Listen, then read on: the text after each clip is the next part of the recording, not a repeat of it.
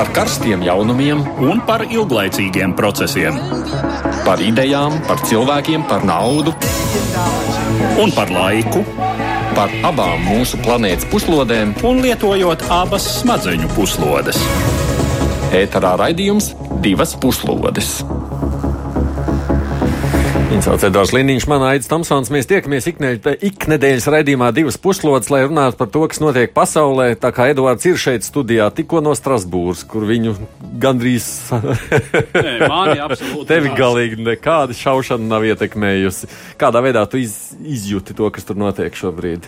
Nu, es to izjūtu pirmām kārtām lasot uh, mūsu kolēģu ziņas WhatsApp grupā. Mēs tur uz šo Eiropas parlamenta sesiju, plenāru sesiju bijām vesela grupa Latvijas žurnālistu, nu, un ērtības labad bijām izveidojuši savu WhatsApp mm saziņas grupu, kurā pēkšņi tajā vakarā sāka parādīties ziņas par to, ka uh, ir bloķēts Strasbūras centrs, tie, kas ir tur devušies pavadīt laiku, vai nu netiek mājās, vai arī netiek uz savām mājām.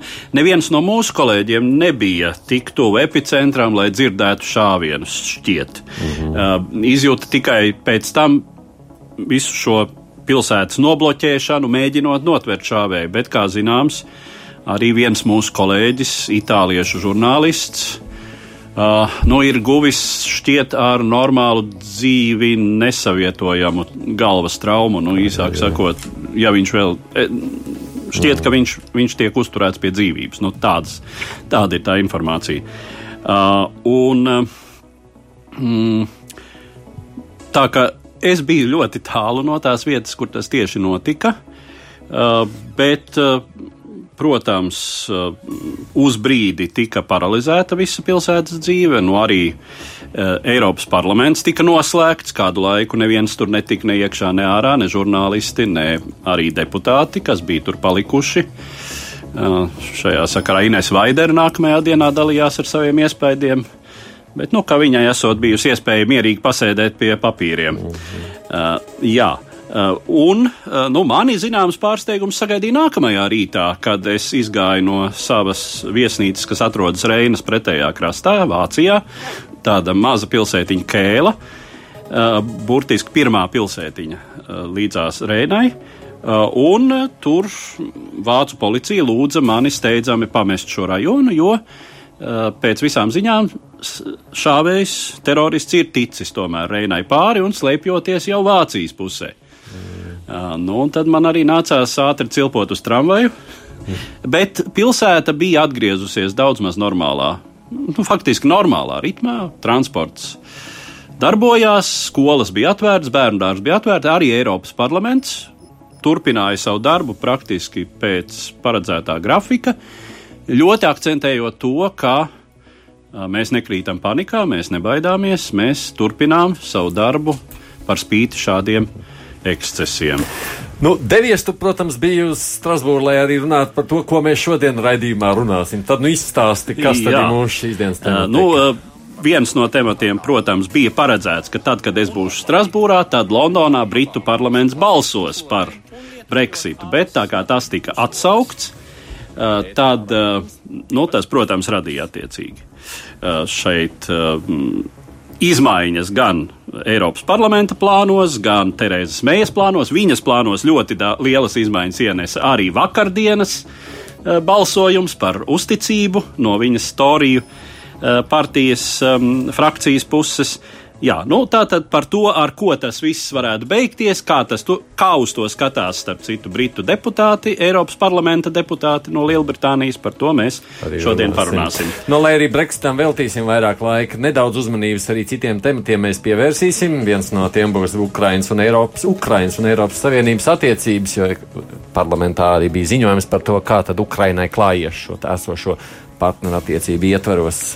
Jā, un vēl viens ar Ukrainu saistīts temats tā ir Andreja Saharova vārdā nosauktā balva par vārda brīvību, kuru šogad Eiropas parlamentā saņēma Ukrainas režisors Sencovs, pareizāk sakot, saņēma viņa pārstāvi, jo pats Sencovs atrodas ieslodzījumā Krievijas cietumā. Faktiski viņš ir politieslodzītais ar ļoti ilgu piespriestu cietumsoda termiņu.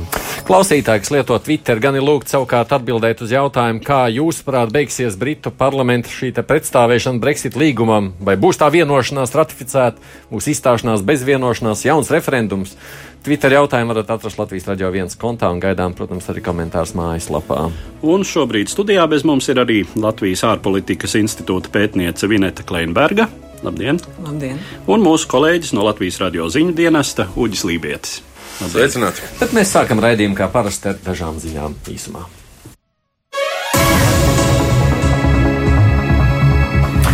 Zeltano vestu protestu dēļ Francija izskatās ir nākamā valsts pēc Itālijas, kuras budžets tagad satrauc Eiropas komisiju. Komisārs Piers Moskvisī, kurš atbild par ekonomikas un finanšu lietām, paziņoja, ka Brisele cieši uzraudzīs Francijas jauno izdevumu plānu, kur ir pieņēmis valsts prezidents Makrons ar mērķi apvaldīt vērienīgās protesta akcijas. Pirms zeltaino vestu protestiem Francija bija paredzējusi, ka valsts budžeta deficīts nākamgad veidos 2,8% no iekšzemes koproduktu, bet, nu, izrādot ievērojumu pretimnākšanu protestu dalībniekiem, Makrons paziņoja pirmdien, ka sākot ar nākamo gadu minimālā mēneša alga tiks palielināta par 100 eiro. Šo pieaugumu finansēs valdība, nevis darba devēji. Tāpat arī Makrons piekāpjas attiecībā uz izteikti nepopulāro nodokļu palielināšanu pensionāriem. Un nav jau arī zināms, kas notiks tālāk, jo protestētāji jau pieprasa liel, lielāku pretimnākšanu. Lai gan virknē valstu tas radīs problēmas, ANO konferencē Marākešā šonadēļ parakstīts ir šis globālais migrācijas pakts. Dokumentu parakstīšanas brīdī klāt bija arī līderi un pārstāvi no aptuveni 150 valstīm. Pats tātad pakts tika pabeigts jūlijā pēc 18 mēnešu ilgām sarunām, tad to vienbalsīgi atbalstīja 192 valsts. Bet nu, pērnā gada decembrī ASV pirms no pakta atkāpās, tad sāk iebilst arī Eiropas valsts. Virkni valstu to ir noraidījuši publiski. Arī Latvijas saima ir mudinājusi valdību šo dokumentu neatbalstīt. Ņemot vērā saimnes lēmumu, Latvijas pārstāvs uz Marākešu nemaz nedavās. Tagad dokuments kopā ar ziņojumu par konferenci tikšot nosūtīts apstiprināšanai ANO ģenerālajā asamblējā. Jautājuma izskatīšana ir plānota 19. decembrī un paredzams, ka par šo jautājumu tiks pieprasīts ANO dalību valstu balsojums. Mūžīgā sasaluma atkušana apdraud līdz 70% infrastruktūras Arktikā. Tostarp naftas lauks, dabasgāzes iegūs vietas, tā liecina publiskots pētījums, un kopumā tas varētu ietekmēt vairāk nekā 3,5 miljonus cilvēku. Pat ja valsts spēšot ievērot solījumus, kas tika doti ANO klimata samitā Parīzē, riski infrastruktūrai līdz 50. gadam nemazināšoties, tā teikts pētījumā.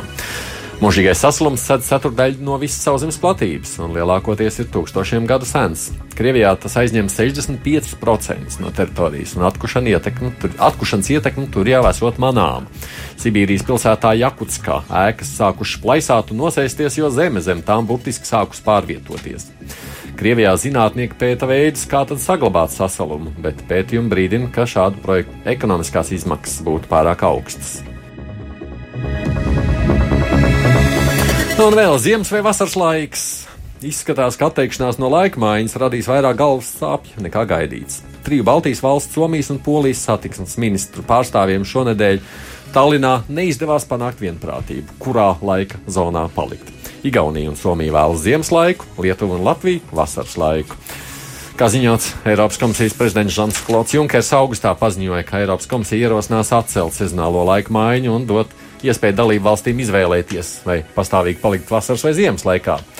Jau oktobra beigās Eiropas transporta ministri apspriedē Grācā izteicās, ka nav reāli atcelt sezonālo laiku maiņu nākamgad. Šobrīd ir liels risks, ka Eiropā var izveidoties dažādu laika zonu savārstījums. Igaunijas premjerministrs pirms mēneša izteicās, ka atbalsta Eiropas prezidētāja valsts Austrijas priekšlikumu atlikt šo atteikšanos no sezonālās pulksteņa rādītāja pagriešanas līdz 2021. gadam. Bet nu, pievēršamies tagad šiem te sākumā minētiem tematiem. Uzmanības lokā joprojām mums ir notiekošais Londonā. Eiropa šodien un rīt. Sadarbībā ar Eiropas parlamenta biroju Latvijā. Vakar, vēlu vakarā, Britu premjerministre Terēza Meija varēja ieskaitīt savā kontā vēl vienu mazu uzvaru Premjeras neatzinējiem viņas pašas frakcijā bija izdevies savākt nepieciešamo deputātu parakstu skaitu, lai rosinātu neusticības balsojumu. Kā jau tika paredzēts, Iecera izgāzās, Toriju līderei ar 200 balsīm pret 117 saglabājot amatu. Tomēr par neusticību balsojušo skaits ir pietiekami liels, pie tam var diezgan droši lēst, ka šie konservatīvo partijas biedri ir arī pret Meijas panākto Brexit vienošanos. Viņi ir daļa no Britu parlamenta bloka, kura nostāja lika atcelt pagājušo otrdienu plānoto Brexit balsojumu. Tikām arvien tuvāk nāk noteiktais izstāšanās datums 2019. gada 29. marts un arvien iespējamāka izstāšanās bez vienošanās.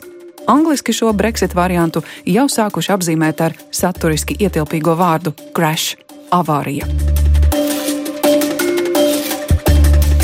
Atgādini kopā ar mums arī Vineta Kleinberga un Uģis Lībijams. Tie pēdējo dienu notikumi Lielbritānijā ir bijuši ļoti saspringti. Atceltais balsojums, tad mēs pūlis meklēt kādu piekāpšanos Eiropā, balsojums vakar vakarā par viņu pašu. Jūs versija, kā tas viss beigsies, Kleinbergs kundze? Es domāju, ka tie varianti ir vairāki. Vispozitīvākais varētu būt, ka mm, balsojums Lielbritānijas parlamentam, respektīvi vienošanās tiek nodota balsošanai atkārtoti. Jo tas, ko tagad ir panākusi Lielbritānijas premjera, viņi ir panākusi zināmā mērā tādu imunitāti uz nākamajiem 12 mēnešiem. Par to, Sev, ka viņi paliek amatā. Viņa ir amatā, tad viņa, viņas vieta netiek skarta. Uh, Leiboristi un lielākā daļa opozīcijas partiju principā ir pret uh, vienošanos, kas uh, pret izstāšanos bez vienošanās. Uh, arī, teiksim, es pieņemu, ka arī tie toriji, kas balsoja um, pret neusticības izteikšanu, nu, tie arī vairāk vai, vai mazāk ir uh, gatavi akceptēt kaut kādu vienošanos. Nu, viņi būtu pret izstāšanos bez vienošanās. Tā kā tas būtu tāds vairākums parlamentā, kurš uh, gribētu sakārtot izstāšanos. Līdz ar to tagad jautājums ir, vai uh, Meija nodos uh, balsot, uh, atkārtot to pašu izstrādāto vienošanos, vai tomēr spēs uh, atvērt uh, sarunas un uh, panākt kaut kādus grozījumus. Jo tas, ko varbūt gaidīt leiboristi, ir uh, grozījumi. Jā. Um, zināmā mērā, nu, teiksim, pēc uh, tā, ka šis balsojums tika atcelts, uh, pasliktinājās situācija ne, ar Lielbritānijas uh, mārciņu, ar uh, Lielbritānijas akcijām biržā, nu, kas mhm. varētu, teiksim, radīt tādu trauksmes sajūtu un varbūt tādā ilgstošākā periodā piespiest deputātus balsot par šo vienošanos. Uh, Ta, līda, tas kaut kādā mērā ir jautājums arī par pašas uh, mejas noturību. Vai viņa spēs noturēt savu stingro līniju, ka viņa nemainīs vienošanos, vai tomēr uh, kaut kādai, kaut kādai piekāpšanai vajadzēs būt un uh, vienošanos izmaiņas mēģināt panākt. Jā, Tas ir iespējams, jo principā ir iespējams pagarināt šo, šo izstāšanās laiku, pārcelt uz vēlāku laiku. Mm -hmm. Tas būtu loģisks solis, kurā, teiksim, un pagarinot šo laiku, tad būtu nedaudz vairāk laika, varbūt apstrādāt šo pretrunīgo noregulējumu risinājumu īrijai, kas šobrīd Ziemeļīrijai, kas rada lielākas problēmas. Vai Eiropa gribētu vēl garumā vilkt laiku? Uģis jau negrib garumā vilkt laiks, viņam jātais raidījums ir. Jā, es šoreiz, šajā, šonedēļ šajā studijā par šo tematu jau es trešo reizi. Jā, jau. no jā. Un, un nepēdējo. Jā, un katru, katru reizi kaut kas mainās. Nu, šovakar, kā mēs zinām, ir Eiropa padoma, kur arī pirm, pirmais galvenais jautājums ir tieši Brexits. Un, uh, tikko lasīju to sākotnējo dokumentu, kas ir, ko ir plānots apspriest un par ko vienoties uh, šo Eiropas Savienības pozīciju attiecībā pret uh, meijas piedāvājumiem. Un tur diezgan skaidri ir norādīts, ka uh, diskusiju par pašas vienošanās atvēršanu un mainīšanu faktiski tas ir noraidāms jautājums.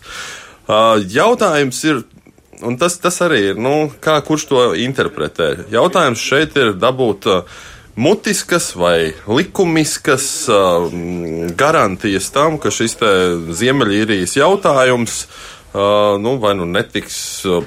Piemērots. Es, es pat nezinu, kā latviešu to backstop tulku. Jā, es, es, es arī visu laiku mēģinu dabūt viņu latviešu. Jā, tas droši vien ir tāds kalkējams termins, kas, kas būtībā nozīmē to, ka īrija paliek vienu pieturu tuvāk Eiropai nekā pārējā Lielbritānija. Ziemeļīrija. Jā, Zieme, Ziemeļīrija tieši tā. Un tā kā arī šajā nedēļā ir Eiropas Savienības līderi, arī politisko grupu līderi teikuši, nu, ka mums ir jādod tas signāls, ka mēs visi esam šajā brīdī īri. Un, un, un mēs esam īrijas pusē. Un jautājums tiešām ir, kas tiks nodots atpakaļ Britu parlamentāriešiem. Vai, ja Eiropa nepiekrīt šos labojumus veikt, bet saka, mēs esam gatavi nu, palīdzēt jums pārliecināt, apstiprināt to vienošanos, vai parlamentārieši akceptēs tikai izmaiņas vai papildus garantijas, kas, kas tiek solīts. Jo arī gribētos piekrist, ka Britu parlamentu vairākums tomēr ir gatavi atbalstīt Brexitu kā tādu, bet ne šo līgumu. Nu, jā, pat vai. Un, Eduards, tev bija saruna ar diviem cilvēkiem, ja, kurš teica atvedis tādu līdzi šobrīd. Tas pirmais ir tātad ar vienu. Nu, tas ir faktiski viņas abas īrietis, ja tu saki. Nē, viņas nav, viņas nav īrietis, viņas abas ir Lielbritānijas pilsonis, Jā. bet izcelsme viņām ir Ziemeļīrija. No bet nu, viena ir izteikti, teiksim, Ziemeļīrijas protestante, otra Jā. izteikti ģimene tā tad ir Ziemeļīrijas katoļu ģimene, attiecīgi arī viņu politiskā ievirze. Viena pārstāv Toriju partiju, uh -huh. uh, un otra pārstāv partiju Sinn Fein. Nu. To, to otro, to Andersoni, ja? jā. sākam vismaz jā, to ierakstu, noklausāmies tavu sarunu ar viņu. Well, no one knows the British establishment better than us, Sinn Féin, Neviens nepazīst Britu valdošās aprindas tik labi kā mēs, īrijas politiskā partija Sinn Fein, kura vedus sarunas ar Britu valdošajām aprindām daudzus gadus un Britu valdošajām aprindām nav nekāda labā vēsture vienošanos un apņemšanos pildīšanas ziņā. Mēs tikām brīdinājuši Eiropas Savienības sarunvežus, ka Briti, kad būs panākuši vienošanos un pametuši sarunu galdu, mēģinās jau panākto vienošanos grozīt. Nav nekādu šaubu par to, ka Britu kabinets ir viens vienīgs jūtceklis, ka Britu kabinetā un pārstāvu palātā valda hauss. Taču, lai cik skumji nebūtu, savu taktiku viņi ir izplānojuši pilnībā. Decembrī, kad Britu valdība vienojās par kopīgo deklarāciju ar Eiropas Savienību, mēs brīdinājām Mišelu Barņē, ka nekāda dzelžainā vienošanās tā gan nav, jo viņi noslēdza līdzīgu vienošanos pagājušā gada decembrī, bet pēc tam no tās atkāpās. Un tas ir tas, ko Tereza Meija mēģina izdarīt. Viņa vienojās par tā saucamo īrijas backstop, kas bija atsevišķa vienošanās, domāta tikai īrijas salai.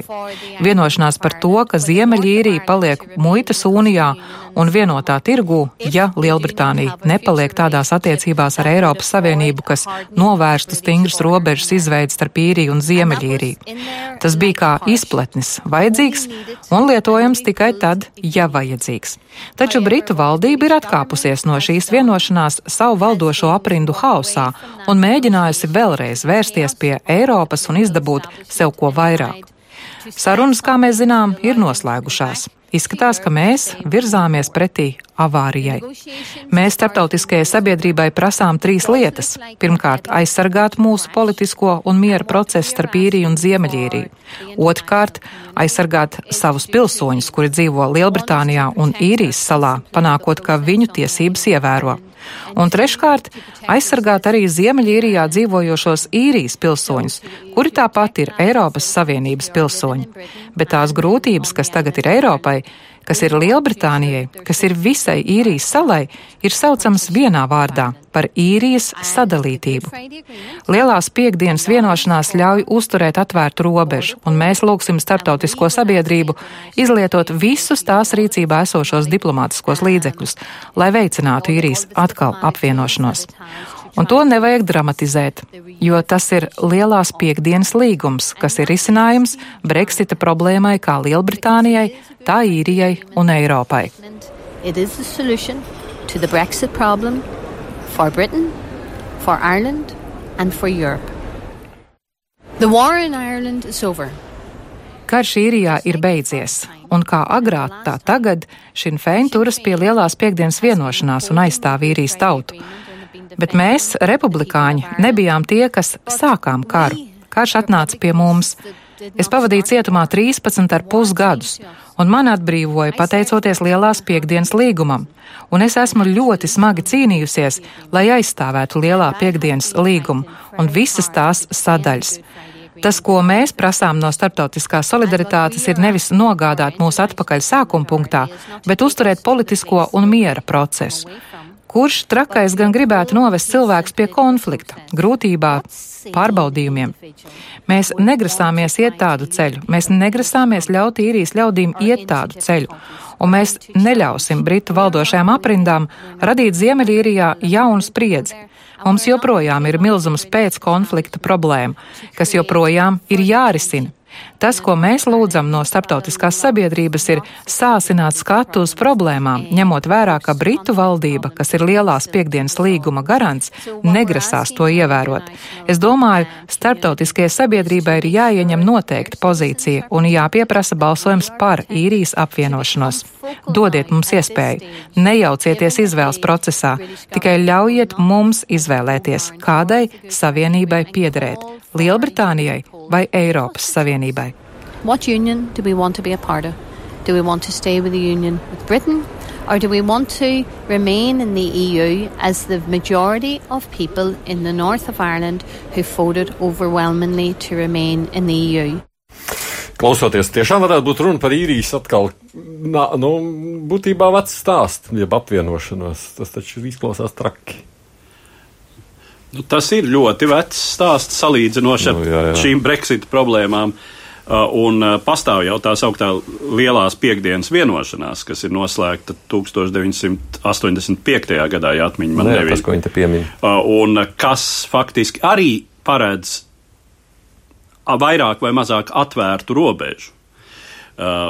Jo nu, tur nu, jāpiekrīt, jāpiekrīt Andersons kundzei, ka visas šīs problēmas, pie kurām ir iestrēdzis Brexit process, patiešām ir saistītas ar to, ka mums ir īrijas republika un Ziemeļīrija. Ziemeļīrija, jā, bet nu, tas nozīmē, ka mēs faktiski runājam par ārkārtīgi sāpīgu tematiku. Tas ir sāpīgs temats, un, uh, manuprāt, tas ir tieši tas, pret uh, ko iestājas um, Ziemeļīrijas unionistu partija valdībā. Tā kā neakceptējot mēs vienošanos, jo viņi bažīs, ka akceptējot šo vienošanos, tiks pavērtas iespējas vismaz atkal sākt debatas par uh, īrijas apvienošanu. Apvienošana. Jo, jo stāsts ir vēl viens, ka iepriekš kaut kādus komentārus es lasīju, ka Meija pēc savas būtības ir pārliecināta unioniste.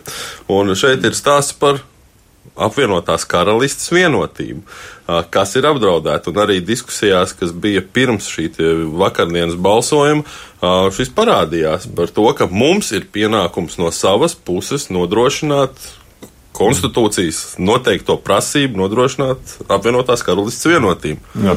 Lai līdzsvaram, es saprotu, tev ir vēl viens Jā. savukārt Jā, un, un tā tad uh, Eiropas parlamenta deputāte Fosteras kundze, kas pārstāv Toriju partiju, bet arī ir Ziemeļīrijas izcelsmes. Tā ģimene ir Ziemeļīrijas Mēs izcelsme. klausāmies.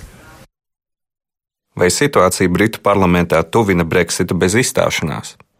Um, well, I would hope not. First of all, um, I support fully um, us leaving the European Union on the 29th of March next year. Es cerētu, ka nē. Pirmkārt, es pilnībā atbalstu mūsu izstāšanos no Eiropas Savienības nākamā gada 29. martā. Es uzskatu, ka premjerministre ir panākusi ārkārtīgi labu vienošanos par izstāšanos, un mums visiem ir ļoti svarīgi, lai tā tiktu īstenota, jo pilnīgi noteikti mums jāsāk raudzīties uz priekšu un strādāt pie tālākajiem risinājumiem. Biznesam un ražošanai nepieciešama skaidrība. Tāpat patērētājiem. Tāpēc no mana viedokļa tas ir grūti, jo es uzskatu, ka mums jāvirza process uz priekšu. Es domāju, ka pilnībā saprotu Ziemeļīrijas problēmu. Mana ģimene ir cēlusies no Ziemeļīrijas. Ir tā, ka daži kolēģi vēlējās nedaudz vairāk skaidrības par pāreju un to, kas tai sekos. Tieši tāpēc Terezai Mejai bija sarunas ar kolēģiem vakar ar Angelu Merkeli. Pirms tam ar Nīderlandes premjeru Marku Ruti. Šodien viņai vajadzētu tikties ar īrijas premjerministru Varadkaru, un ir diezgan žēl, ka tas nenotika. Ja runājam par Toriju neusticības balsojumu, tad mani tas kaitina, jo es neuzskatu, ka tāds bija nepieciešams. Es domāju, viņa ir paveikusi visgrūtāko darbu vissarežģītākajos apstākļos. Lai gan es visnotaļ cienu kolēģu atšķirīgos viedokļus un uzskatus, jo mēs esam demokrāti, es tomēr domāju, ka tā ir nevajadzīga laika šķiešana. Es domāju, ka ne Westminsteras pilī, ne pārstāv palātā nav neviena kolēģa, kurš varētu tikt galā labāk. Es domāju, ka šī vienkārši ir izrēķināšanās. Ir daži kolēģi mūsu parlamentā, kur ir nemierā. Ne tik daudz ar Brexitu, cik tāpēc, ka vai nu ir bijušie ministri, vai arī nav tikuši valdībā. Es domāju, viņiem pat tiešām ir nepareiza pieeja. Es ticu, ka šovakar, kad būs uzticības balsojums, viņa gūs absolūtu pārsvaru. Līdz ar to vismaz vienu gadu šādu uzticības balsojumu atkārtot vairs nevarēs. Mums patiešām ir jāvirzās uz priekšu, un šī ir tikai laika šķērdēšana. Tādi vingrinājumi, kurus izpilda ļautiņi, no kuriem daži vienkārši grib atriepties. Un atklāti sakot, tas ir ārkārtīgi nelāgi. Really, some of them just want uh, revenge. And I think it's extremely, extremely unfortunate, quite frankly. Cik bīstami tas ir īrijas mieram? There's no wish, there's no will on either side. Nevienā, ne otrā pusē nav vēlēšanās slēgt robežu, sarežģīt dzīvi un atgriezties tur, kur mēs bijām. Vakar vakarā Strasbūrā arī bija terorakts, kurā trīs cilvēki tika nogalināti un desmit nopietni ievainoti. Un es esmu dzimusi Liverpūlē, kas ir sektantiska pilsēta, ģimenē no Ziemeļīrijas. Es saprotu, kas ir šim fēni, jeb īra republikāņu armija un kādi ir tās mērķi, un viņi darīs visu, lai šo mērķi sasniegtu. Un mēs visi darīsim visu, kas mūsu spēkos, lai nepieļautu nekādu atkritienu Ziemeļīrijas miera procesā. Normāli cilvēki, kā Ziemeļīrijā, tā īrijas republikā, negrib atgriešanos pagātnē. Nē, es nedomāju, ka tas graudu Ziemeļīrijas miera pamatus pat ja mēs nebūtu Eiropas Savienībā. Lielās piekdienas vienošanās ir atsevišķs process, miera process. Tā vienkārši notika, ka abas valstis ir Eiropas Savienībā, taču Ziemeļīrijas miera procesā iesaistījās arī Savienotās valstis kā vidutājs. Tas prasīja daudzus gadus, lai sasniegtu šādu labu stāvokli, un mēs neatgriezīsimies atpakaļ. Starp īrijas republiku un Ziemeļīriju paliks atvērta robeža. Jau 1962. gadā mums ar īrijas republiku bija līgums, kuru mēs saucām par brīvās tirdzniecības līgumu. Protams, agrāk tur bija mūsu militārā klātbūtne. Tur bija karavīri, bet jau gadu gadiem nav politiskas gribas slēgt robežu. Nav tādas gribas arī vienkāršajiem cilvēkiem. Kravas mašīnas šķērso robežu, pārvadājot preces. Cilvēki pastāvīgi šķērso robežu un nepavisam nav vēlēšanās šo status quo mainīt. all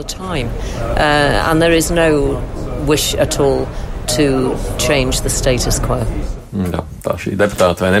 Es klausītājiem prasījām, vai ne, ko, kā viņi prāt beigsies viss šī drāma. Nu, tad 24% domā, ka ratificēs tomēr šo vienošanos Eiropas, uh, tas ir Lielbritānijas parlaments, 33% trešdaļas domā, ka izstāsies nevienojoties, saucamies cietais Brexit, nu, un tad 42% tomēr, nu, mums ir vairums domā, ka būs jauns referendums.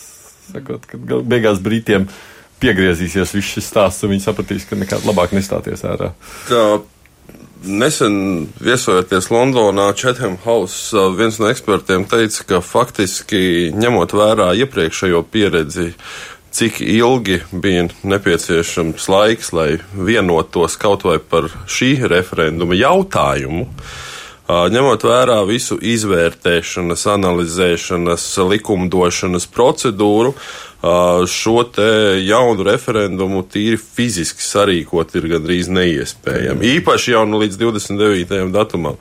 Un arī palasot dažādu ārvalstu mediju un ekspertu viedokļus, faktiski jaunais referendums tiek uzskatīts par vienu no visnereālākajām iespējām. Mm. Nu, labi, redzēsim. Mēs par Lielbritāniju droši vien runāsim vēl daudz un dikti. Tā kā tas ir skaidrs, mums vienkārši pāris temats, kurš vēl Edvards veids šurp no Strasbūras, tāpēc mums jāturpina tas jāatzīst, gan abi temati ir saistīti ar Ukrainu. Šajās dienās notiekošajā Eiropas parlamenta plenāra sesijā cita starpā tika uzklausīts un arī nobalsots novērtējošais ziņojums par Eiropas Savienības un Ukrainas asociācijas līguma ieviešanu.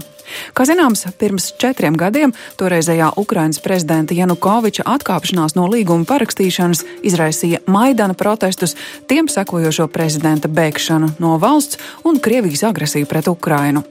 Ziņojuma paskaidrojošajā kopsavilkumā teikts, ārlietu komitejas konstatējumi rada pozitīvu skatījumu uz asociācijas nolīguma ar Ukrainu īstenošanu, neraugoties uz vairākiem trūkumiem, kas Ukrainas iestādēm vēl ir jānovērš. Daudzās jomās ir bijuši pozitīvi notikumi, jo īpaši tiesu iestāžu, decentralizācijas, enerģētikas, veselības aprūpes, pensiju un izglītības jomā. Šajā ziņojumā ārlietu komiteja īpaši uzsver bāžas par tiesiskā regulējuma pienācīgu darbību korupcijas apkarošanai, decentralizācijas reformas pabeigšanu, centienu trūkumu saistībā ar vēršanos pret oligarhiju un privatizāciju.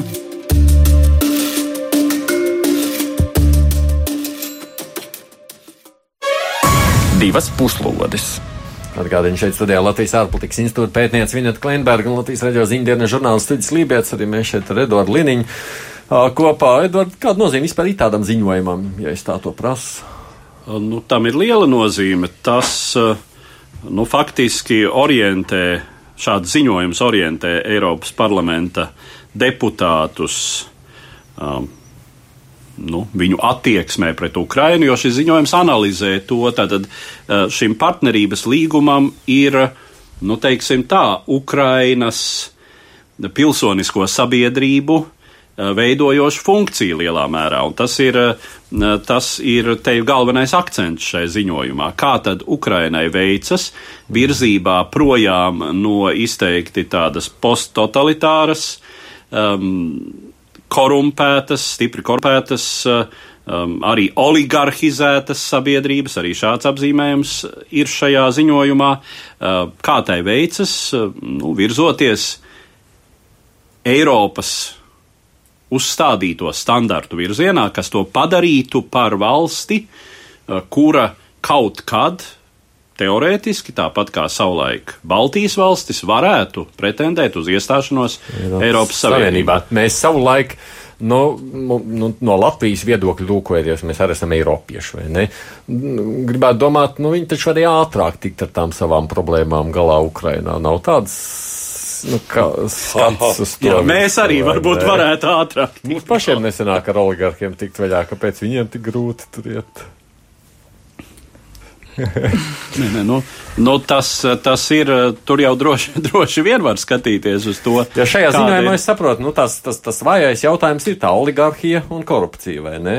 Jā, oligarhija, korupcija, nu, tiesu darbības īpatnības, politiskās sistēmas īpatnības, kas ar to ir saistīts. Man bija saruna ar uh, ziņotāju, uh, šī ziņojuma autoru, tātad uh, Vācijas deputāts Mihails Gālers, mm.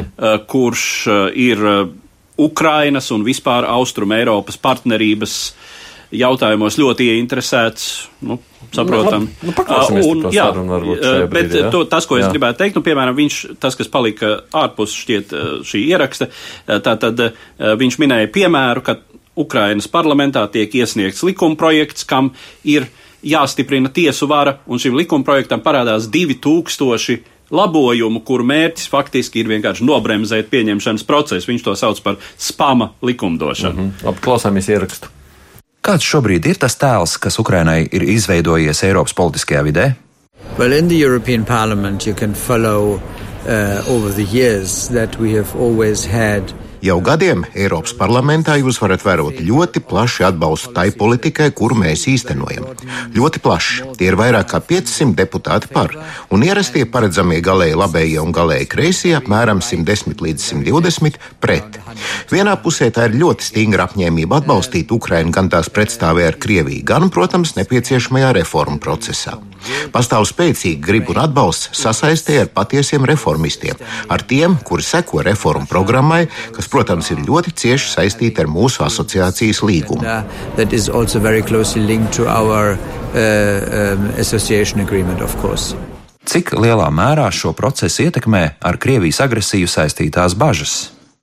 The, the Russian aggression is ongoing, the annexation of Crimea is ongoing. Protams, Krievijas agresija turpinās. Turpinās Krimas aneksija, turpinās situācijas destabilizācijas mēģinājumi ar viltus ziņām, ar citiem dažādiem līdzekļiem.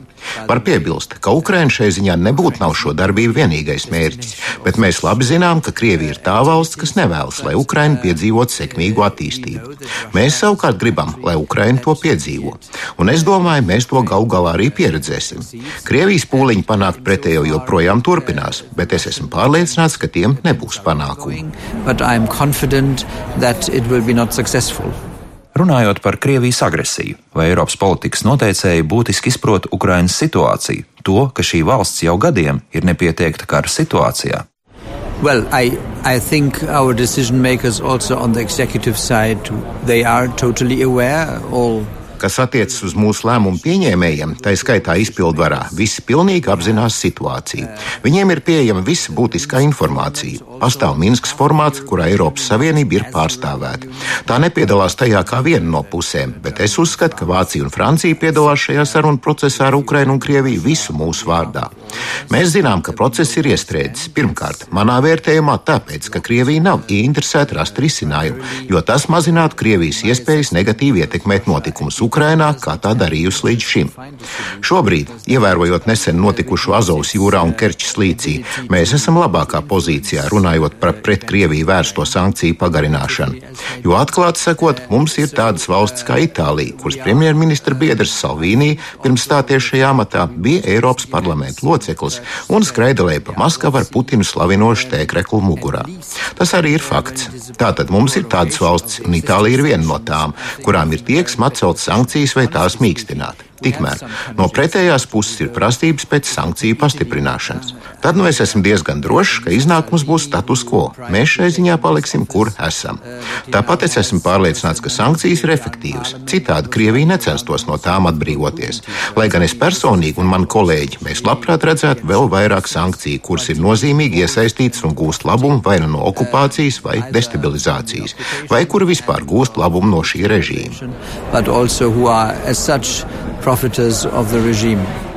Bet klausoties šo Gēlera ierakstu, Uģis sacīja, ka viņš ir galīgi skeptisks pret Ukrainu. Tu saki, ka te pārliek optimistisks cilvēks. Nē, es, es esmu skeptisks par nevis par to, ko cenšas, vismaz cenšas darīt Eiropas puse, bet ko, um, kā lai saka, uh, imitē Ukrainas, Ukrainas pusi, jo nu, manā, manā uzturē jau kopš paša sākuma uh, kad vispār sākās diskusijas par, par, par, par šo asociācijas līgumu.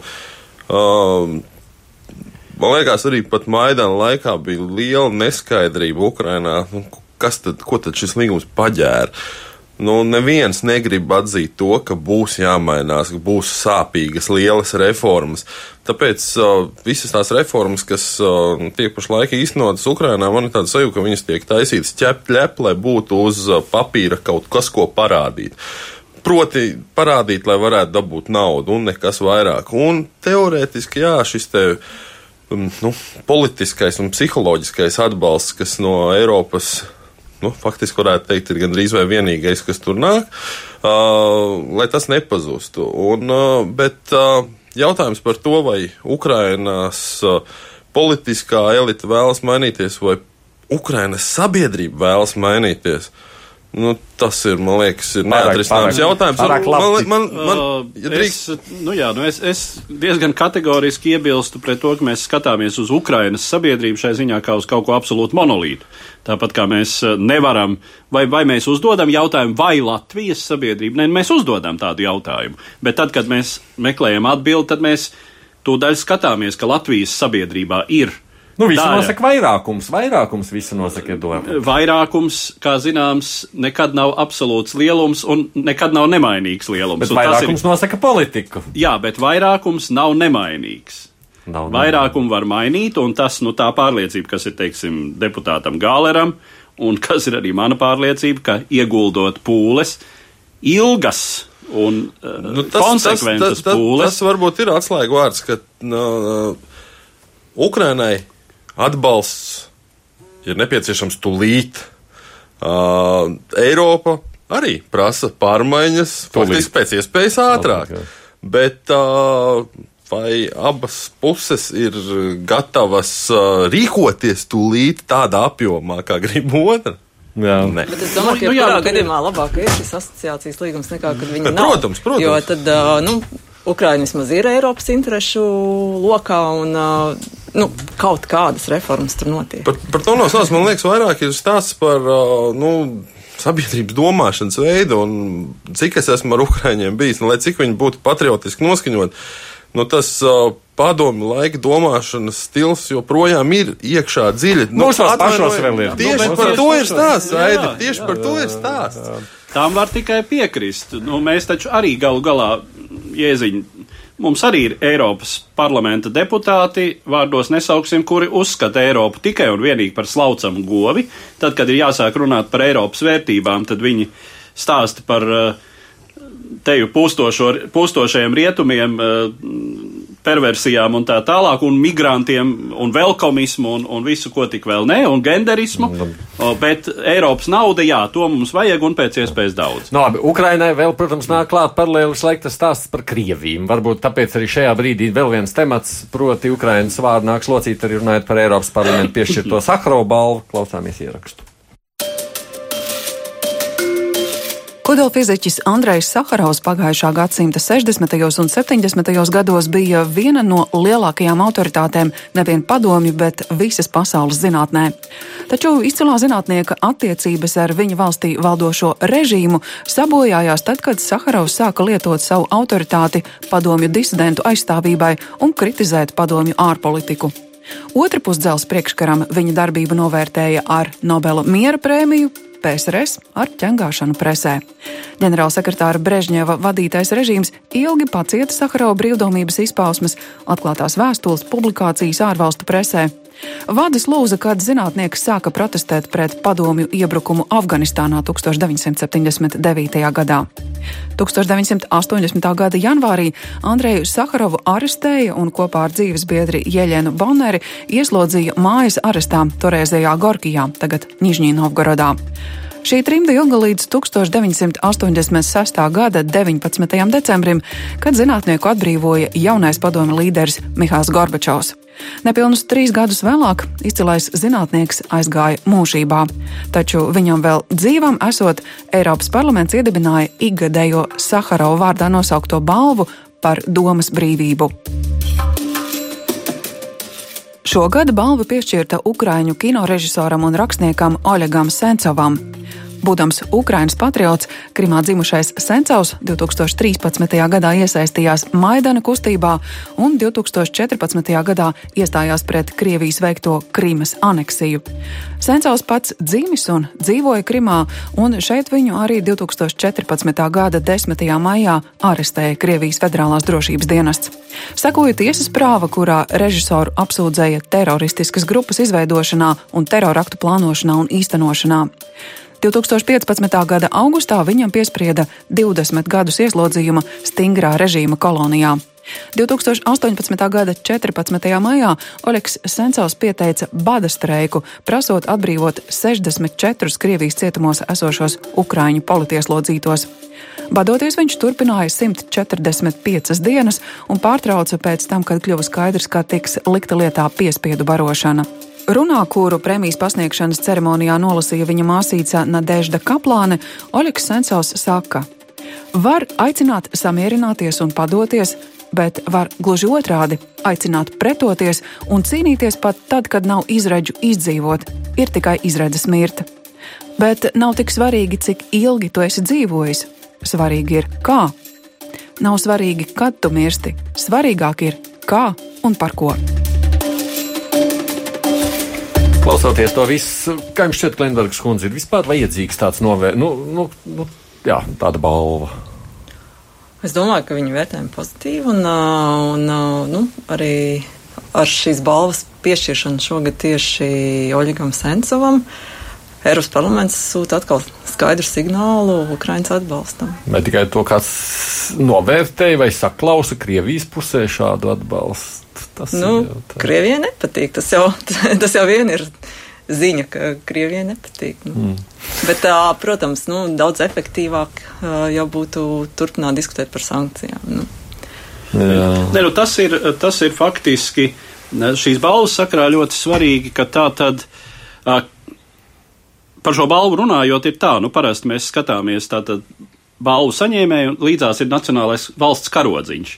Šajā gadījumā parasti tas valsts karodziņš nozīmē nevis godu un cieņu visbiežāk šai valstī, bet gluži otrādi.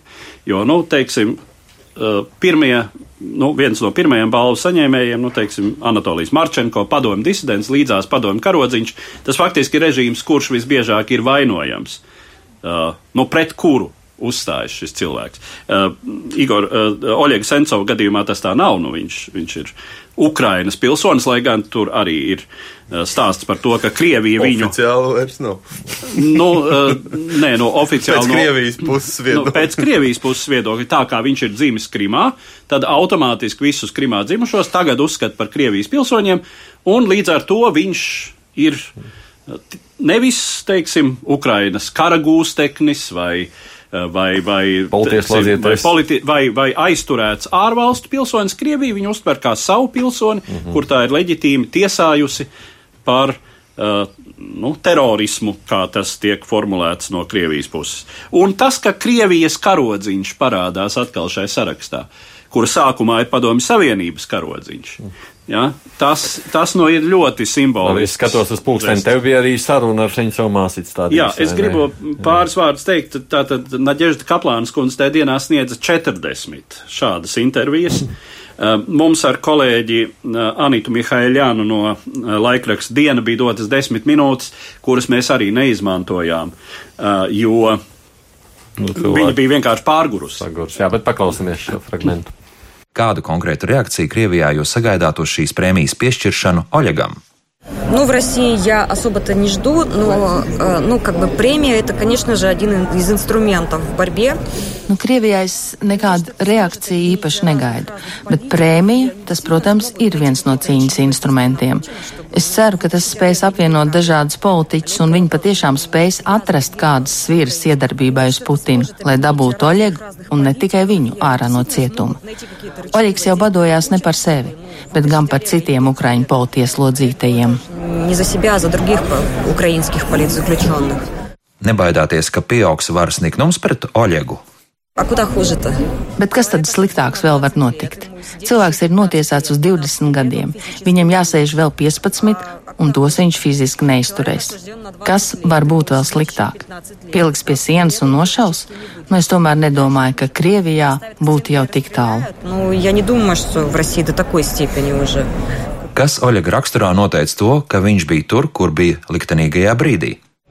Nu, я могу сказать, что Олег вообще за время заключения не изменился нисколько. Es varu teikt, ka Oļegs savu ieslodzījuma laikā nepavisam nav mainījies. Viņš vienmēr ir bijis tāds iecirtīgs, mērķtiecīgs un ar sāsinātu taisnīgumu izjūtu. Kad tā notika, tas bija diezgan paredzami ka viņš brauks uz Maidanu, ka būs pret aneksiju, ka tiesā viņš uzvedīsies tieši tā, ka nepadosies, ka tiks spīdzināts. Tas ir Oļeks, viņš vienmēr tāds bijis. Vienkārši tā sakrita apstākļi, kas izkristalizē pašu Oļegu, bet tāds viņš ir bijis vienmēr. Ne tā, ka tagad viņš tāds kļuvis, nekā tam līdzīga. Jūs ir kādas cerības viņu atbrīvot kaut kad, ja dabūt ārā no tā cietuma? Nu, tas jau nav, tas nav gluži atkarīgs no ne no Eiropas parlamenta, ne no mums. Nu, tie, no nu, jā, ne, bet tie centieni ir tādā ziņā starptautiski spiest, vai ne? Nu, tur jau arī no citu pasaules. Es domāju, ka tā nav spiešana, tā ir vienkārši, Nē, nu, vienkārši atgādināšana. Bet jā. Eh, es gribētu vēl nu, no savu, savu viedokli pateikt, tā, ka, protams, tieši šajā laikā piešķirt viņu somu, kaut gan tas jau bija zināms, ka, nu, tādas aizdomas bija, ka tā balva būs Ukrainiem. Uh, īstenībā ir diezgan zīmīgi, jo faktiski pēdējās dienās, nedēļās visai maz tiek runāts par to, kas notiek Ukrainas, pareizāk sakot, Krievijas rietumu daļā Ukrainas pierobežā, kur atkal notiek bruņojuma koncentrēšanās un diskusijas par iespējamu Krievijas uzbrukumu, vai kā šodien pateikusi ir Marija Zahārova, atbildi uz Ukrainas uzbrukumu Krievijai vai Donbasam. Ja, tātad šis te, šis te jautājums atkal nu, kaut kādā veidā pievērš to skatu punktu uz to Ukrainu. No otras puses, pieļauju, ka būtu ļoti daudz arī mūsu kolēģu žurnālistu, kas droši vien teiktu, vai šī balva jāpasniedz kādam ārpus Eiropas Savienības. Kaut vai ņemot vērā Kataloniju un Kataloni, katalāņu mm. politieslodzītos. Tas ir arī strīdīgs jautājums, bet. Jā, bet jūs prāt, nav, nav nepareizi, ka tieši viņam piešķirts, kā jūs domājat? Es domāju, nu, arī runājot par to cerību, es domāju, ka starptautiskai sabiedrībai, Eiropas Savienībai jāturpina visiem iespējamiem līdzekļiem panākt un pieprasīt politieslodzīto atbrīvošanu. Jo pats trakākais, kas var notikt pašam politieslodzītajam, ir apzināties, ka viņu vairs neviens neatbalsta. Pat ja tā cerība ir ļoti maza, ir jāturpina un jāturpina, un jāturpina pieprasīt atbrīvošanu. Tas ir to pašu katru dienu tiešām pilināt par Krīmas aneksijas neatzīšanu. Jā, nu, tā jau ir. Katra pilīte sašķeļ akmeni. Mm. tas ir tas, ko savā laikā um, nu, arī mēs piedzīvojām, ka Protams, jā, ir realitāte un ir reāla politika, ir, ir globālās politikas reālijas, bet Baltijas valstu okupācijas un aneksijas neatzīšana, kas tāpat tika pa pilītei, bet konsekventi pilināta, tas pats attiecas šobrīd uz Krimu. Tātad arī aneksijas neatzīšana principiāla un uh, konsekventi. Latvijas raidījuma žurnālists Edvards Liniņš, ārpolitikas institūta pētniece Vineta Klinberga un Latvijas raidījuma arī ziņdiena žurnālists Tuģis Līvietis. Paldies jums, ka atnācāt šeit tādā saspringtā ļoti šoreiz skrienā cauri visiem notikumiem. Arī es Aits Tomsons biju šeit studijā, producēju Loreta Bērziņu. Uz sadzirdēšanos nākamreiz lūkosim, kas atkal jauns ir noticis šajā pasaulē. Eiropa šodien un rīt. Sadarbībā ar Eiropas parlamenta biroju Latvijā divas puslodes.